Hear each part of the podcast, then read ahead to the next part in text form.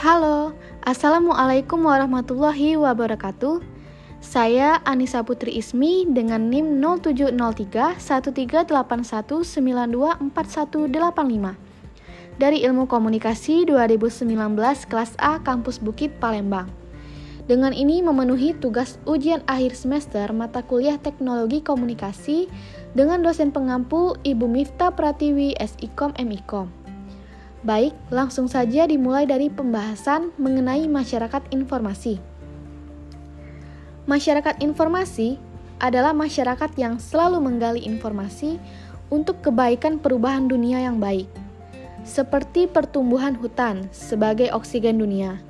Karena masyarakat agak selalu berkolaborasi untuk mencapai visi dan misi diri, diri mereka masing-masing, dan mereka tidak bekerja sebagai pekerjaan yang tetap tetapi merekalah yang bekerja dengan organisasi dan saling menyatukan pendapat dari individu ke individu.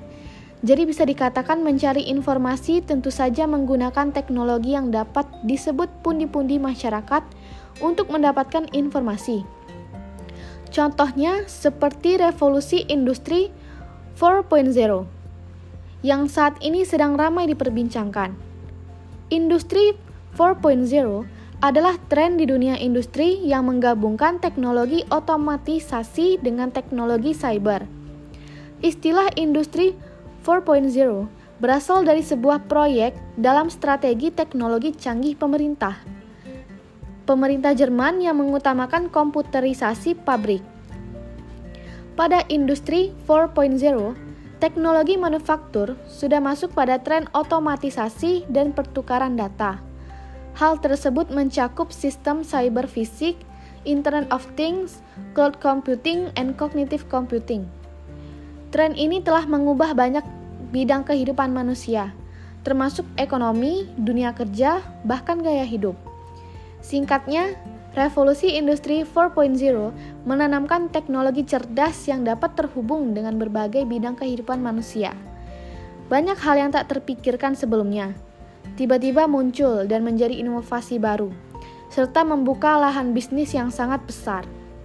Contoh terdekatnya seperti munculnya transportasi dengan sistem ride sharing seperti Gojek dan Grab. Kehadiran revolusi industri 4.0 memang menghadirkan usaha baru, lapangan kerja baru, dan profesi baru yang tak terpikirkan sebelumnya. Tidak dapat dipungkiri, berbagai aspek kehidupan manusia akan terus berubah seiring dengan revolusi dan perkembangan teknologi yang terjadi. Memang perubahan sering kali diiringi banyak dampak negatif dan menimbulkan masalah-masalah baru. Namun, perubahan juga selalu bisa membawa masyarakat ke arah yang lebih baik.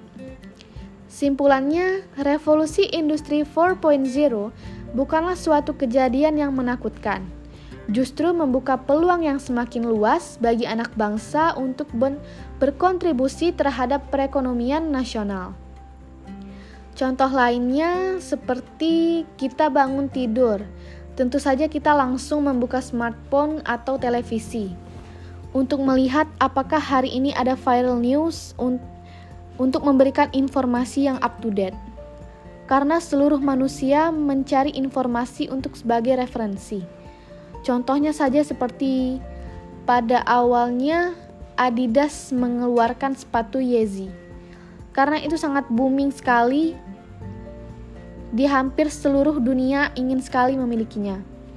Akan tetapi masyarakat dunia harus pintar untuk mencari tahu sebelum membelinya.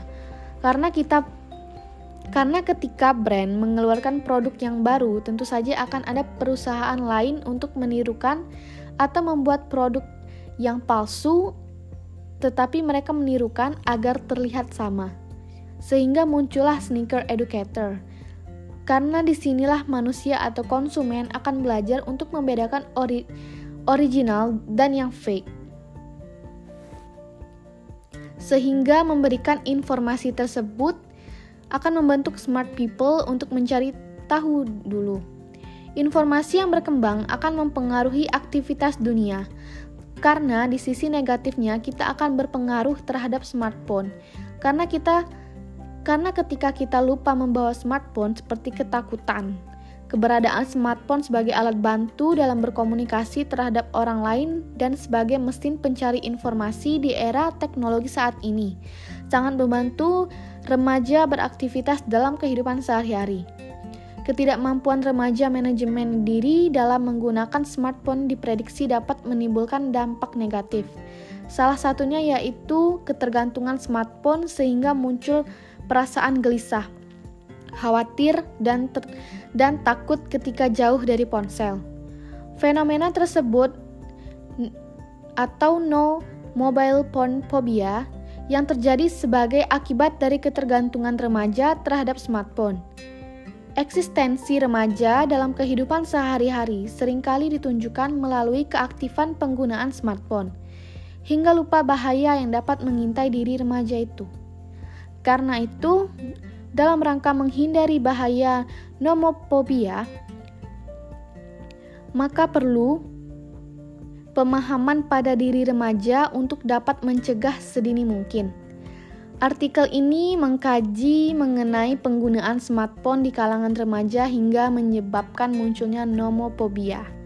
Strategi pembangunan yang mengarah kepada industri industrialisasi di perdesaan telah meningkatkan pertumbuhan ekonomi yang cukup stabil. Kehadiran industri-industri di Provinsi Sumatera Utara telah menghadirkan peluang lapangan kerja baru, khususnya bagi masyarakat yang berada di sekitar lokasi industri. Di samping itu, lapangan kerja yang banyak variasinya juga akan mengakibatkan adanya perbedaan pendapatan yang mendukung pola-pola kehidupan suatu masyarakat. Kawasan industri baru dikembangkan pada awal tahun 1970 sebagai suatu usaha untuk memenuhi kegiatan penanaman modal baik dari dalam maupun dari luar negeri. Baik, itu saja yang dapat saya sampaikan dan saya jelaskan. Terima kasih kepada Ibu Miftah selaku dosen pengampu mata kuliah Teknologi Komunikasi. Wassalamualaikum warahmatullahi wabarakatuh.